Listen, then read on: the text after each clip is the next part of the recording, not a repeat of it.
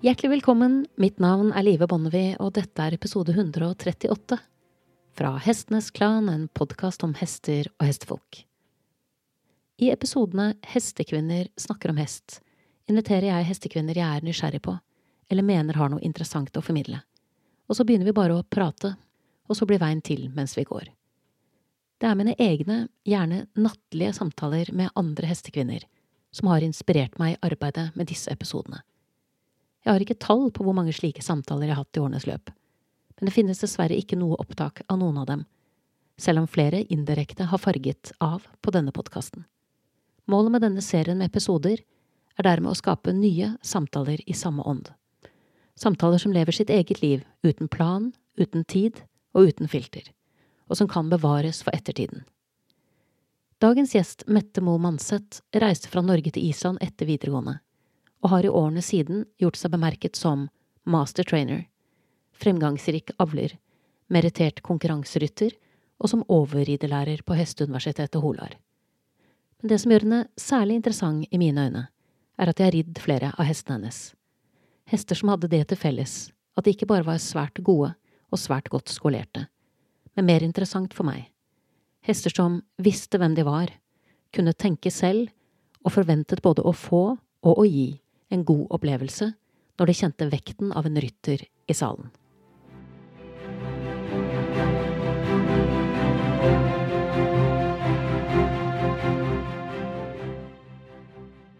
Mette, nå sitter vi her og skal ha en, um, en samtale. Mm.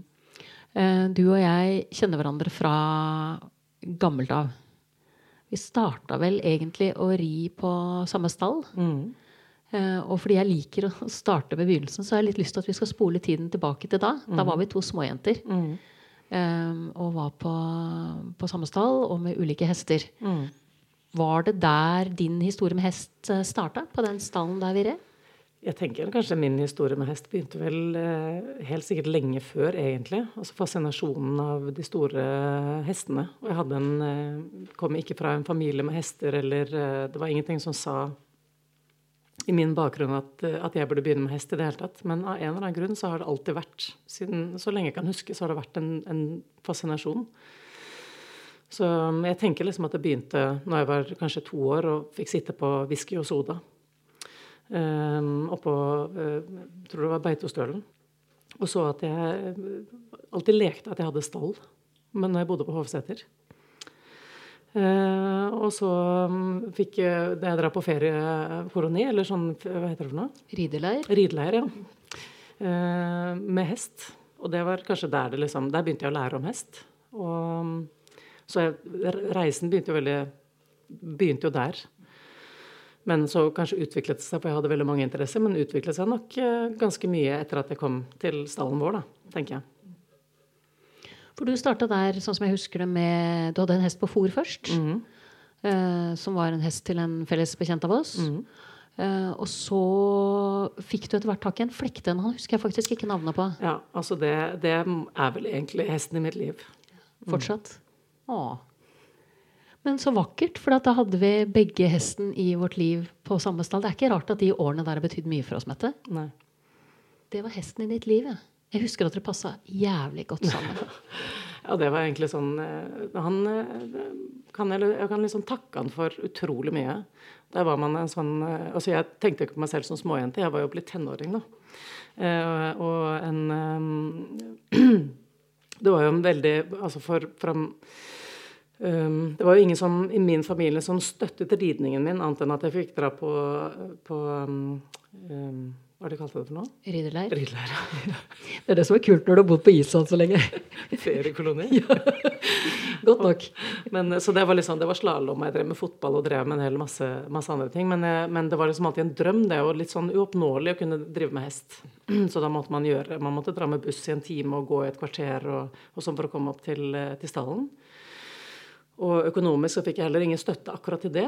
Eh, så da var det eh, fire dager i uken som avisbud i Oslo. Og så hadde jeg råd til å ha hest på fôr tre dager i uken. Så det var, da, det var Iskongen først. Og så var det da eh, etter hvert med litt sånn stopp andre steder, så traff jeg på Garpur. Og Garpur var jo en hest som for en, en La meg bare si liksom en, en frekk tenåringsjente fra Oslo vestkant som bare skikkelig satte henne på plass. Eh, både, altså Før jeg begynte å ri han, så hadde jeg jo, eller ri han, hadde jeg jo en god del respekt for ham. For det, det var mange som var redde for han. Eh, de turte ikke å, å, å, å sette han inn hvis han var ute i paddocken, fordi han hadde en tendens til å angripe folk. Og han også krafset med frambeina når du skulle opp han hvis han var irritert. Og han også krafset med bakbeina hvis du sto for langt bak. Så han hadde en del sånne eh, nykker, egentlig.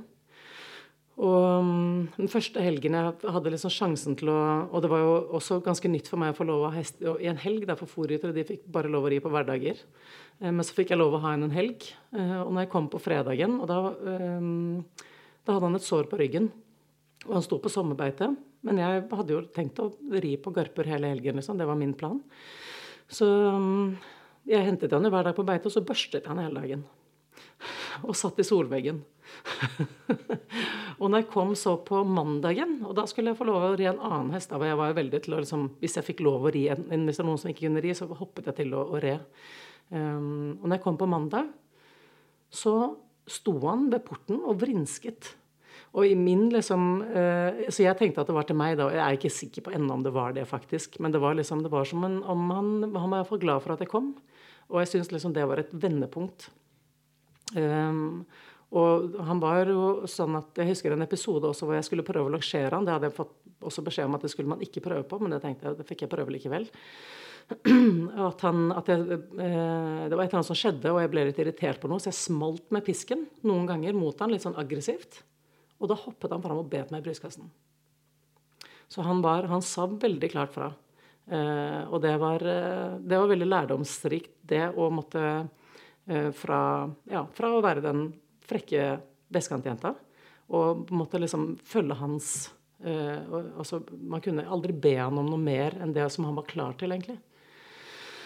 Um, Så en god læremester? Utrolig god læremester. Og han sitter, han sitter hele tiden i meg. Altså den uh, og den episoden når han hoppet fram og bet meg, hvor jeg trodde egentlig at vi var venner. liksom. Altså han fikk jo ikke, han ble, Jeg ble ikke skadet, annet enn på sjelen. Altså at jeg fikk et sjokk. Mm. Eh, at det skjedde, liksom. At han faktisk hoppet til og bare ga meg en lærepenge og sa at sånn oppfører du deg ikke. Eh, så det gjorde jeg ikke noe mer. jeg klarer ikke å huske at han var eh, var den type hest, Nei. hvis du skjønner? Nei, men så, så forandret han seg. Og det kan godt være altså i, i så tenker man tilbake på ting, liksom, så er det kanskje noen blåser man litt mer opp i liksom, mm. hukommelsen. Men, men, jeg husker det var et par stykker som ikke De ville ikke ta han inn fordi de var redde for han ute på beite. Og, og, og, men så var det mange som sa bare nei, nei, er noe, han er ikke noe farlig, han, liksom.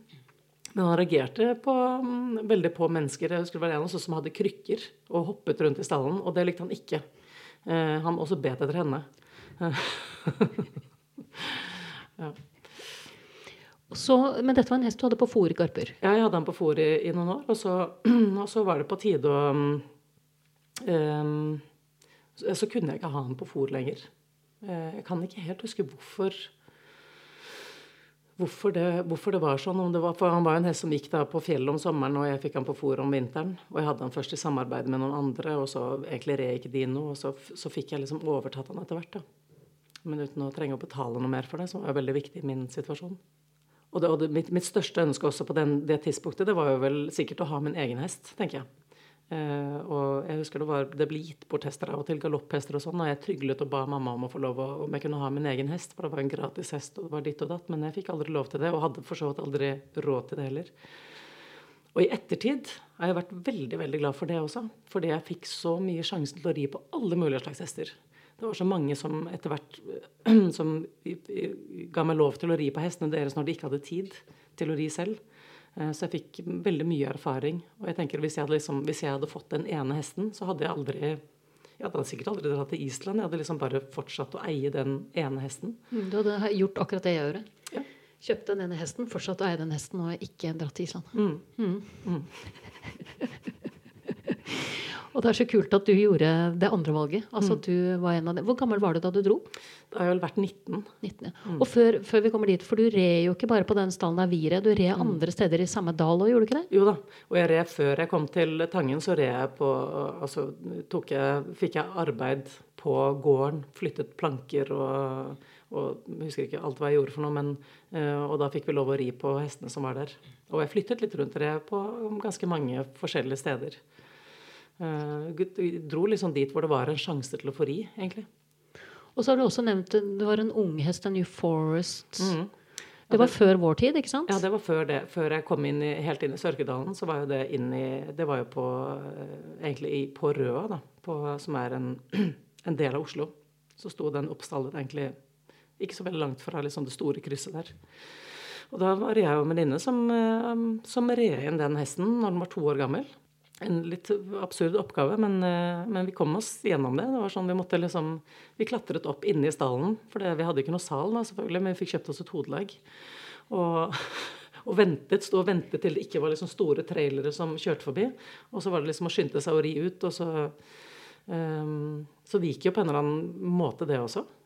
Er ikke det litt interessant? Mm. Eh, for det var vel ikke sånn at dere druknet, eller skal jeg si, dere var ikke helt sånn eh, fulle av kompetanse på det tidspunktet? Overhodet ikke. Men Så, man var kanskje litt full av, eh, av, sånne historier om hvordan man altså, Hva heter det for noe? Pennybladene og disse her. Og bøker om hester og historier rundt hester. Og jeg tror de har sikkert formet ganske mye hva man syns var viktig ved trening. Da. For det, de besto, jeg tenkte på det her forleden, de besto veldig mye av eh, sånne historier om hester som hadde det vanskelig og det kom noen, og det var kanskje en, en um, fikk dårlig mat og ble ikke sluppet ut og ble slått med spaden. Og noe sånt, og så kom det en, en hestejente og reddet den, da, så den fikk et godt liv. og, og sånn, Så det, det, lå sånn litt i bakgrunnen, tenker jeg, også for verdiene, tenker jeg, på den tiden. Og som 19-åring så drar du til Island. Mm. Og vi andre som har kjøpt hest, vi blir hjemme. Mm. Eh, og eh, da kommer du dit på lykke og fromme, eller har du da en ganske sånn klar plan om, om hva du skal der? Nei, den eneste planen var bare å Jeg fikk, eh, fikk jobb og, og, skulle bare oppleve Island. Og det skulle være da et halvt år. Så jeg kunne ta forberedende og begynne på universitetet. For i og med at jeg er av sånn akademikerfamilie, så var det bare en det, det var veien å gå. Ja, så var det sånt, uh, det de kaller for gap year på ja. engelsk. Det er bare en liten pause før du skal over i det akademiske. Ja, kom du noen gang hjem igjen? Ja, eh, det gjorde jeg. Jeg var et halvt år, og så kom jeg hjem igjen og begynte på universitetet. Og visste ikke, visste ikke hva jeg skulle begynne på. Etter jeg hadde tatt forberedende, så um, tenkte jeg bare jeg får bare melde meg på islandsk, da. Av alle fag eller alle språk man kunne velge, så tenkte du det er i hvert fall lurt å kunne litt islandsk. Ja, så islandsk grunnfag. Eh, begynte jeg på. Og det var helt utrolig kjedelig, altså. jeg fant meg overhodet ikke i det, i det, liksom. Jeg bare Nei. Så da, men jeg fikk Jeg kunne fullføre den eh, det som jeg hadde begynt på på Island. Så jeg dro tilbake til Island og fortsatte der på universitetet. Kan jeg da, bare basert på mitt første møte med Island også, altså at det handlet litt om at da du først kom dit så, og dro derfra, så hadde du en dragning på at du skulle tilbake? Ja. Det hadde jeg absolutt. Uh, og det var jo kanskje bare spørsmål om når, egentlig. Uh, man, man kom til å gjøre det, og i hvilken liksom uh, i, hvilket, i, hvilken sammenheng det kom til å bli. Det visste man ikke. Men det å oppleve den, den, øya med alle de hestene, og hvor lett det var på mange måter å ha hester der, og hvor tilgjengelig hestene var i forhold til hvor mye jeg slet for å få ri lite grann, var det Litt hesteparadis, det var egentlig? Litt hesteparadis på mange måter, ja. Også tilgjengeligheten, spesielt for, for, hester. da. Så når du kommer da tilbake gang nummer to, jobber du da på samme sted? Nei, da gikk jeg jo først på universitetet. Mm. Og så, mm, ja, så kan man egentlig si jeg jobbet på samme sted etter hvert. Uh, og den reisen som du har vært på siden den gangen, det er jo en ganske imponerende reise. Eh, med den posisjonen du har på Hålar, Hesteuniversitetet, eh, så godt som dere lykkes med avl. Men det er liksom den reisen opp til den du er i dag mm. For jeg tenker, eh, siden jeg vurderte å gjøre det samme, så har jeg tenkt mye på at det må ha vært veldig tøft også å komme til Island som en ung norsk blond jente og skulle komme noen vei. Mm. Ja. Jeg har ofte tenkt på dette med, sånn med målsetning og sånn. Og um, jeg har liksom aldri hatt noe, noe klare mål for hva jeg vil. Egentlig. Um, jeg trodde jo at jeg, måtte, at jeg måtte gå på universitet. Uh, og jeg gjorde for så vidt det også. Jeg gikk jo så på Holar og tok ridlærerutdanningen der. Ellers så syns jeg egentlig det har, det, liksom, det har, vært sjanser som har bydd seg, og det har egentlig vært helt fra jeg begynte å ri, egentlig. Altså når jeg begynte å ri den New Forest-ponnien, f.eks., da var det, traff jeg hun som hadde egentlig ansvar for den, bare i skolegården fordi mamma var litt for sen. Hun skulle hente meg, så traff jeg henne. Eller om hun ikke kom, eller sånt, jeg husker ikke akkurat hva det var. Men så bare ble jeg med henne opp i stallen. Så det var, en, det var en tilfeldighet, og da begynte jeg å ri der. Og så har, jeg syns liksom det har vært veldig mye sånne tilfeldigheter, og kanskje har jeg hatt det, det valget eller en retning som jeg har gått. Jeg har liksom ikke hatt noe mål at jeg skal bli sånn eller gjøre det, eller noe så spesielt, men, men jeg har hatt en, sånn, en, retning som jeg har valgt ut fra, tydeligvis, når jeg ser i bakspeilet.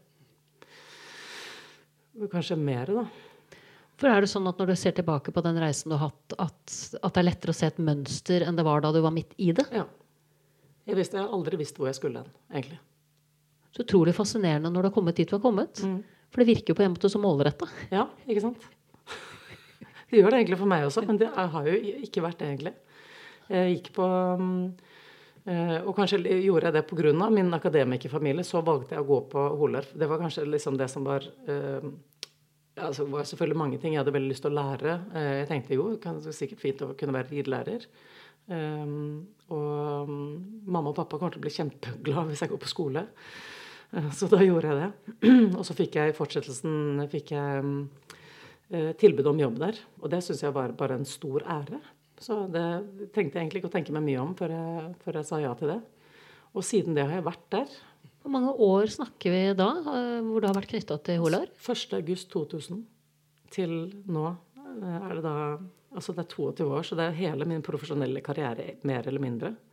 Men den jobben har jo også forandret seg veldig. Altså når jeg begynte der som ridelærer, så var en stor del av jobben faktisk å det var jo mye trening av hest. Vi også skodde hestene der. Vi møkket for hestene, og vi møkket for elevenes hester. Og um, etter hvert så, så ble, falt den delen bort. Eh, så da ble det mer sånn som lærerrolle, men også trening av hester. Og så ble jo det fra å være ikke et universitet, ble det til et universitet. Så jeg har vært med på den utviklingen. Og, um, og så har jeg eh, for Det har vært sånn ca. 2012 eh, omtrent, så fikk jeg stillingen som overridlærer på skolen. Og da det også, ble jo da igjen en, en, forandring etter hvert i hva slags ansvar man hadde. Så fra liksom å være, så den stillingen jeg er i nå, og det jeg gjør nå, det er veldig langt ifra synes jeg det jeg begynte med der. Og så har du ved siden av uh, Holar også bygget opp et sted. Mm. Um, hvor dere driver oppdrett, trener konkurransehester. Mm. Jeg fikk jo den, Min første egne hest den fikk jeg som, som, lønn for jobben som jeg gjorde når jeg kom til Island først. I 90, 95. Uh, hun het Lygna, og hun var betalingen min for, for den vinteren. Og hun var en fryktelig imponerende hest, eh, syns jeg. Jeg syns det var helt fantastisk at den kunne faktisk bli min. Eh, den var som en uh, og så, første gang jeg så den, så skulle jeg longere den. Og den, den danset som en sirkushest. Og, og, hun var så leken. Eh, så hvis du liksom smalt litt med pisken, eller noe sånt, så liksom hoppet hun sånn eh, Gjorde litt spansk trav og var veldig sånn eh, Ja, veldig, veldig leken og det var kanskje et av de målene jeg hadde. jo, det var At jeg ville gjerne ha en hoppe. Eh, så jeg kunne avle mine egne konkurransehester. Eller mine egne hester. i og med, For jeg tenkte at det ville være en god investering. Da kan jeg ha mine egne hester. Så det var sånn, tenkte jeg, det er nøkkelen inn til å ha min hest. Som alltid var drømmen.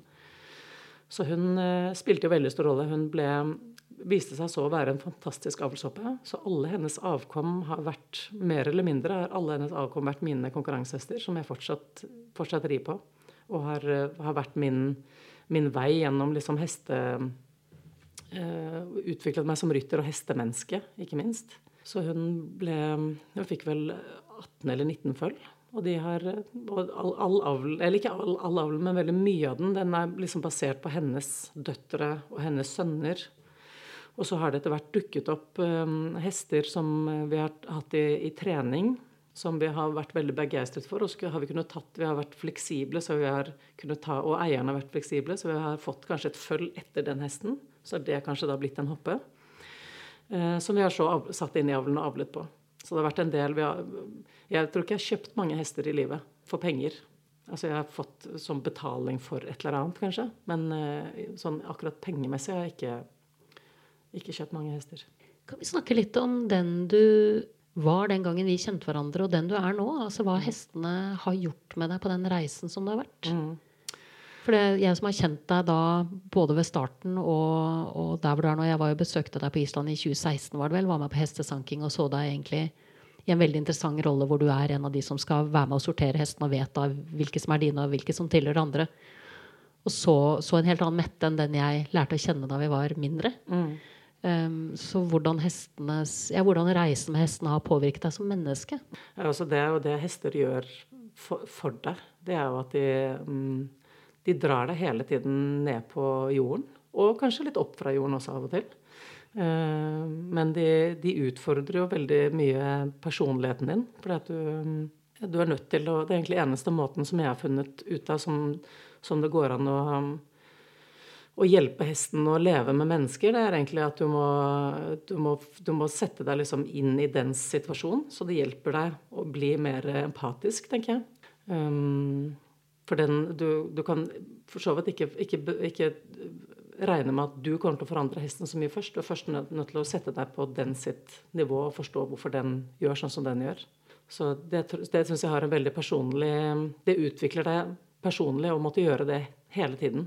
Og det blir en naturlig del av det. At du, du, du gjør alltid det. Det er det du begynner med. liksom At du ser hvordan den reagerer. Og så må du oppføre deg i forhold til det.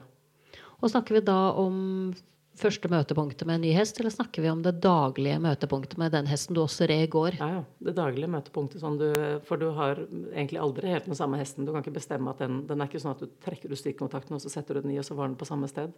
Den, har, den, opp, altså den utvikler seg og opplever ting eh, hvor du ikke er til stede, eller ja, bare forandrer seg. Det, det også, så må du, du, må jo være med, du må være med på utviklingen. Og man finner jo aldri ett én metode til å, å, trene en hest. Man må alltid, hesten er alltid ny dagen etter, egentlig. Og det syns jeg er veldig spennende ved å, å ha um, forskjellige typer erfaring som jeg har med hester. Og det som, er, det som driver meg, er, er, reisen med hesten fra jeg blir kjent med den. Um, og til jeg ikke kan fortsette med den mer av en eller annen grunn. Enten fordi jeg selger den, eller det blir en avlshest, eller, eller hva som er grunnen til at man ikke trener den lenger. da. Hvis den blir en avlshest, så kan jeg jo fortsette å hilse på den ute i eh, flokken. Det er jo veldig hyggelig. Men eh, den, den, reisen som også som avler, som begynner jo egentlig med foreldrene. At du bestemmer deg for at den hoppa og den hingsten eh, passer sammen, og så kommer det et føll, og så ser du det, og så ser du liksom hvordan det, hvordan det er, og blir kjent med det. Og så begynner du å trene det, og så er det en reise og et eventyr som begynner, egentlig. Eh, og som eh, som fascinerer meg, meg, selv om jeg er en eh, konkurranserytter. Og så syns jeg for meg er det, det er like morsomt for meg å gå inn i boksen til en åring som skal lære å få grime på seg, som det er å ta en hest i en konkurranse. Det er like spennende, og det gir meg minst like mye. Det er noe som jeg virkelig gleder meg til å, å begynne med, og se om jeg kan gjøre litt bedre nå. Og hvor lik var den moren, og hvor lik var den faren. Og mm, den reisen, eh, den liker jeg. Ehm, jeg har veldig lyst til å spørre også om dette med moren og faren. Når dere jobber med avl siden dere har så gode resultater på det. Hvordan, hvordan velger dere mm. Eh, hvem som blir mor, og hvem som blir far til de avkommene som dere er på jakt etter? De, de, hoppene som vi har, de har jo av en eller annen grunn fascinert oss. Jeg har, jeg har en sånn viss type hest som jeg liker. Eh, jeg liker veldig godt uh, lette hester. Og de skal være um, Lette som i bygning, eller lette som i sinn, eller lette som Ja, nettopp. Begge deler. Altså de, selvfølgelig må de ha en viss styrke, de må ikke være for spedbygde. Men, eh, men um, jeg vil gjerne at det skal være lettbygde og ha lette ben og et lett hode. Eh, og da mener jeg liksom fysiske hode. Og også lett, et lett gemytt. Hvor jeg mener at de skal, være, de skal ha en del energi. Og være sånn lett ja, Litt sånn leken og sånn som ligna Um, at det er lett å få dem til å reagere. Uh, og grunnen til at jeg både liker det fordi det er lettere å ri dem, du trenger mindre innvirkninger. Og jeg tror at det også har med litt med hestevelferd å gjøre. Det er mindre liksom masing. Uh, de blir lettere i tøylen, så det er mindre, liksom, det er mindre da, press fra tøylen. Og, og, hvis de er villige, så er det også det er mindre press fra skjenkler. Så det blir en, det blir en lettere oppgave, syns jeg.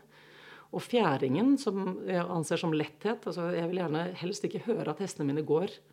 Lærer, En av yndlingshoppene mine hun var sånn at av og til så tenkte jeg, lurte jeg på om hun hadde mistet alle skoene eller ikke når jeg leide henne langs dalgangen. Fordi at man hørte nesten ikke at hun tråkket Altså satt føttene ned. Og da tenker jeg da vil det gi veldig lite hugg. Eller sier man hugg? altså når de setter ned beina, så blir det et mindre smell, og det blir mindre eh, påkjenning for leddene. Så de hestene antageligvis har et godt fjæringssystem i, i muskulaturen. Eh, og muskulaturen den, kan, den styrkes jo. Mens eh, hvis du smeller ned på leddene dine, så, så vil jo det slite. Tenker jeg, da. Det er jo, men dette er jo ikke noe som jeg vet, det er bare sånn, noe som jeg innbiller meg at er, er hensiktsmessig. Og, og, den fjæringen i bevegelsen også, den gjør at hesten blir lettere å ri den. Fordi at den, eh, den, vil Hvis den er lett i kroppen, så vil den også svare tøylene og skjenklene lettere, syns jeg. Så det blir en, jeg syns det blir en hyggeligere opplevelse. Ja, nå, og det har du på en måte da sånn sett målbevisst, da går du da etter det hos både mor og far? på en måte? Ja, så det er kanskje de hoppene som vi velger, de er i den, den retningen. Eh, og, og, er lekende. Eh, det kan også ha en bakside, da, en sånn, at de er lekende. Det kan jo være at de Eh, at, det, at, de har mye energi, og de, de, gjør ting, liksom. De er litt impulsive. Um, men det liker jeg. At de gjør det. At jeg, jeg slipper å liksom mase på ting. Og, uh, og jeg syns de er um, Jeg liker at jeg er glad. Og jeg syns jeg har fått en av de tingene som jeg leter veldig mye etter når jeg trener selv. Og nå vet jeg ikke hvor mye det har med, med genene å gjøre. Men jeg syns at uh, noe av det jeg leter først etter når jeg begynner å trene dem, det er at de skal ha en, uh, en positiv forventning til hva som kommer til å skje. For hvis du klarer å skape det først, så har du et veldig stor fordel. I forhold til at hvis du klarer å ødelegge det der, ødelegge eh, hvor nysgjerrig hesten er, og hvis den tror at det ikke kommer til å skje noe hyggelig, da har du med en gang fått opp en sperre. Så det, jeg vet ikke om det spiller en rolle kanskje akkurat hvilken vei du går, om du bruker fôr, eller bare om du gir litt bedre tid, eller roser det mye. Men hvis du bare klarer å, å, skape den stemningen i hesten at når du kommer, og når dere går inn der dere har tenkt å trene, eller hva dere har tenkt å gjøre, at da lyser øynene, og så spør den hva, hva skal vi gjøre i dag? Da har du en veldig, da har du en veldig god da også, For da får du oppmerksomheten, og da vil den se hva du gjør. Så da vil den også bli mer følsom og lydigere, da, hvis du kan kalle det det. da i forhold til en hest som, som, sier bare 'å nei, skal vi hit?' 'Å nei', eh, og prøver å se bort. Så må du først liksom kjempe om å få en eh, bare oppmerksomhet, liksom. Dette så jeg jo litt da jeg var eh, og bodde litt hos deg også. For jeg har vært hos deg to ganger. Nettopp det at hestene lyser opp når du kommer. Og det var innmari fint å se, for det er jo heller Det er ikke alltid det er sånn det fungerer. Så, og den både en interesse, men også nesten før det er forbi interesse. Altså en genuin relasjon, da. Mm. Var det jeg så med deg og dine hester. Mm. Eh, og som man ikke nødvendigvis bare får fordi man putter masse gulrøtter opp i fjeset, men at, at, det er noe der som hesten opplever har verdi. Mm. Uh, hva tenker du rundt det? Jo, det er, eh, det er, veldig viktig for meg at jeg opplever det, spesielt hvis jeg har en hest over lang tid. At da er det den veien forholdet skal gå. Og det å trene en hest over lang tid er jo også veldig krevende. Fordi at ehm, ja, at du skal ikke kjede den eller, eller gjøre altså det, det, Alt som de gjør, har jo en følge av hvordan den ser på det, eh, selvfølgelig. Så det er kanskje noen av det som jeg er mest stolt over. Det er eh, en av hestene som jeg har i stallen nå, som er blitt vel 21, tenker jeg. Eh, som jeg har trent siden den var tre. Og den, den, er virkelig fornøyd med at jeg trener den. Jeg rir den ikke lenger i konkurranser. Men å kjenne det, den, og se at den står og håper at jeg skal komme og ta den altså, Det kan godt være, for jeg gir den jo alltid kraft for også når jeg kommer. da.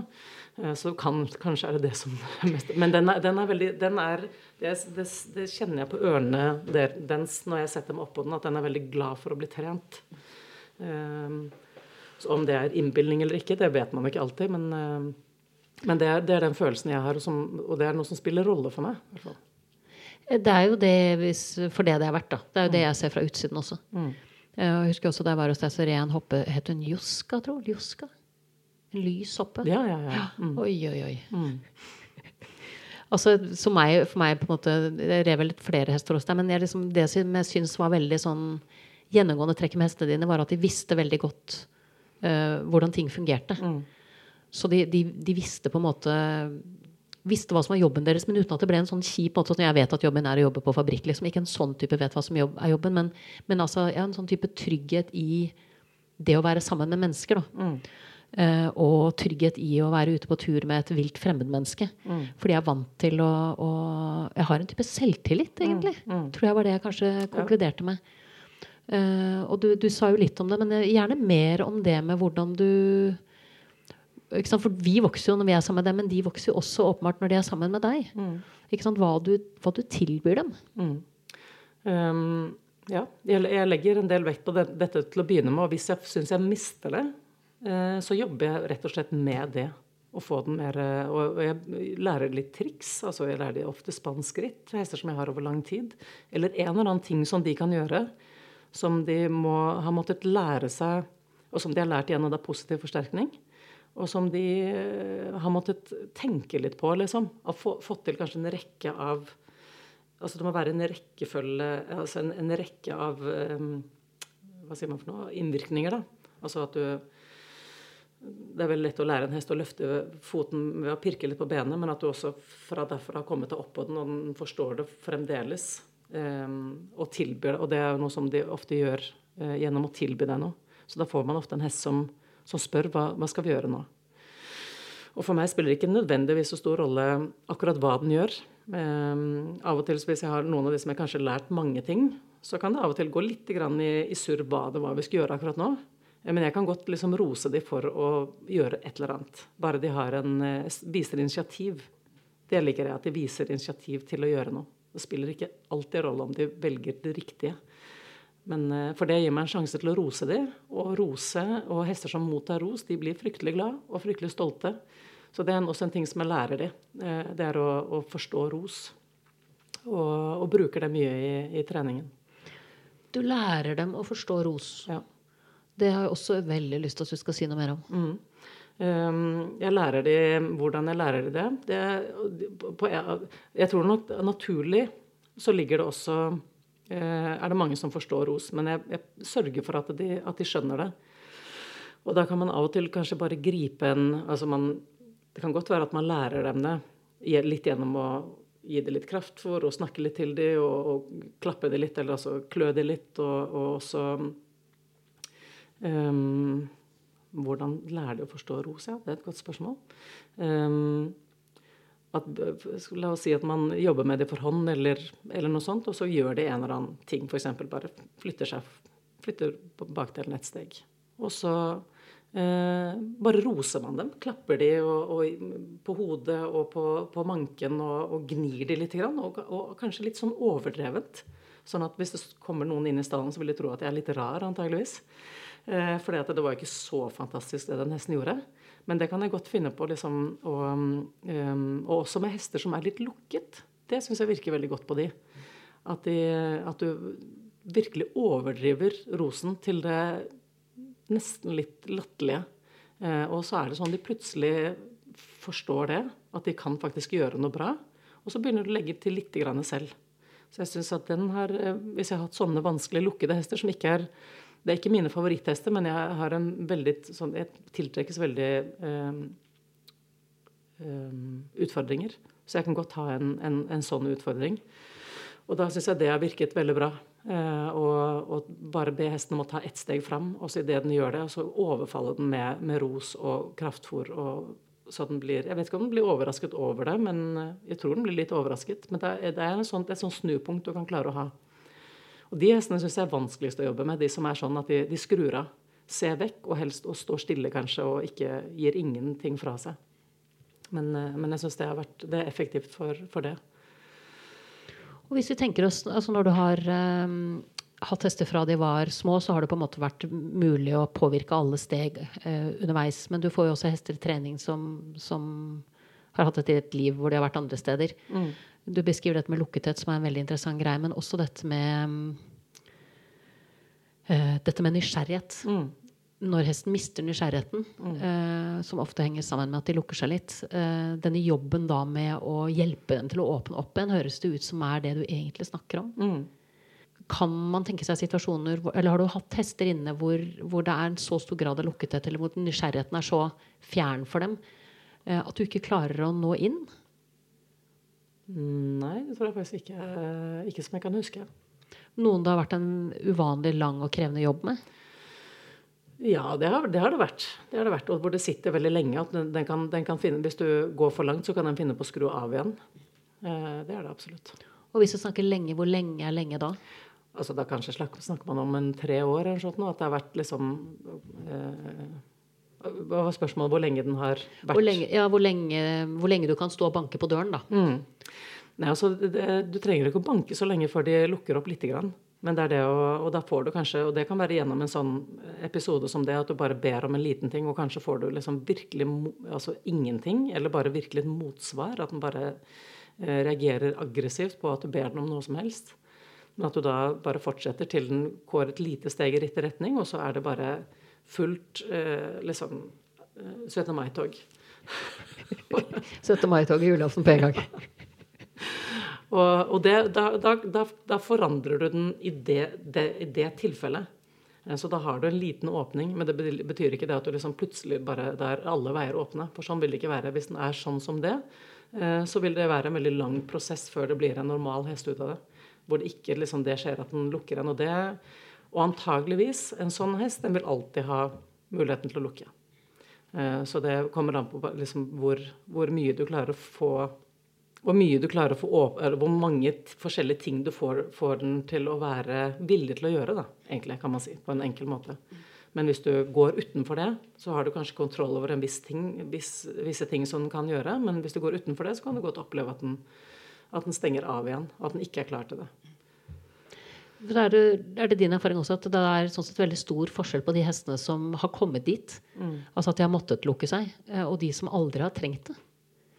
Ja, altså der, der, har jo, Ut fra min erfaring så ligger dette veldig i genene, altså den eh, tendensen til å gjøre dette her.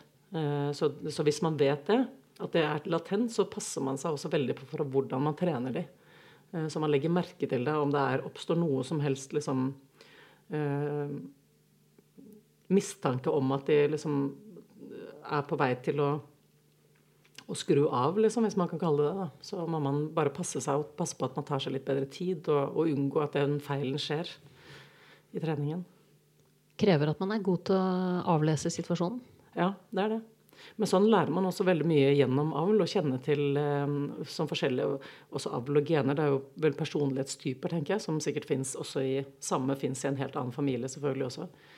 Men eh, jeg opplever at veldig Den tendensen er veldig i, i enkelte blodslinjer. Og jeg har hatt mange hester da, og det har man jo lært veldig mye av. Det er morsomt å drive med med hester som er i, i slekt, at du, du, får det samme problemet om igjen i neste hest, og så får du øvd deg.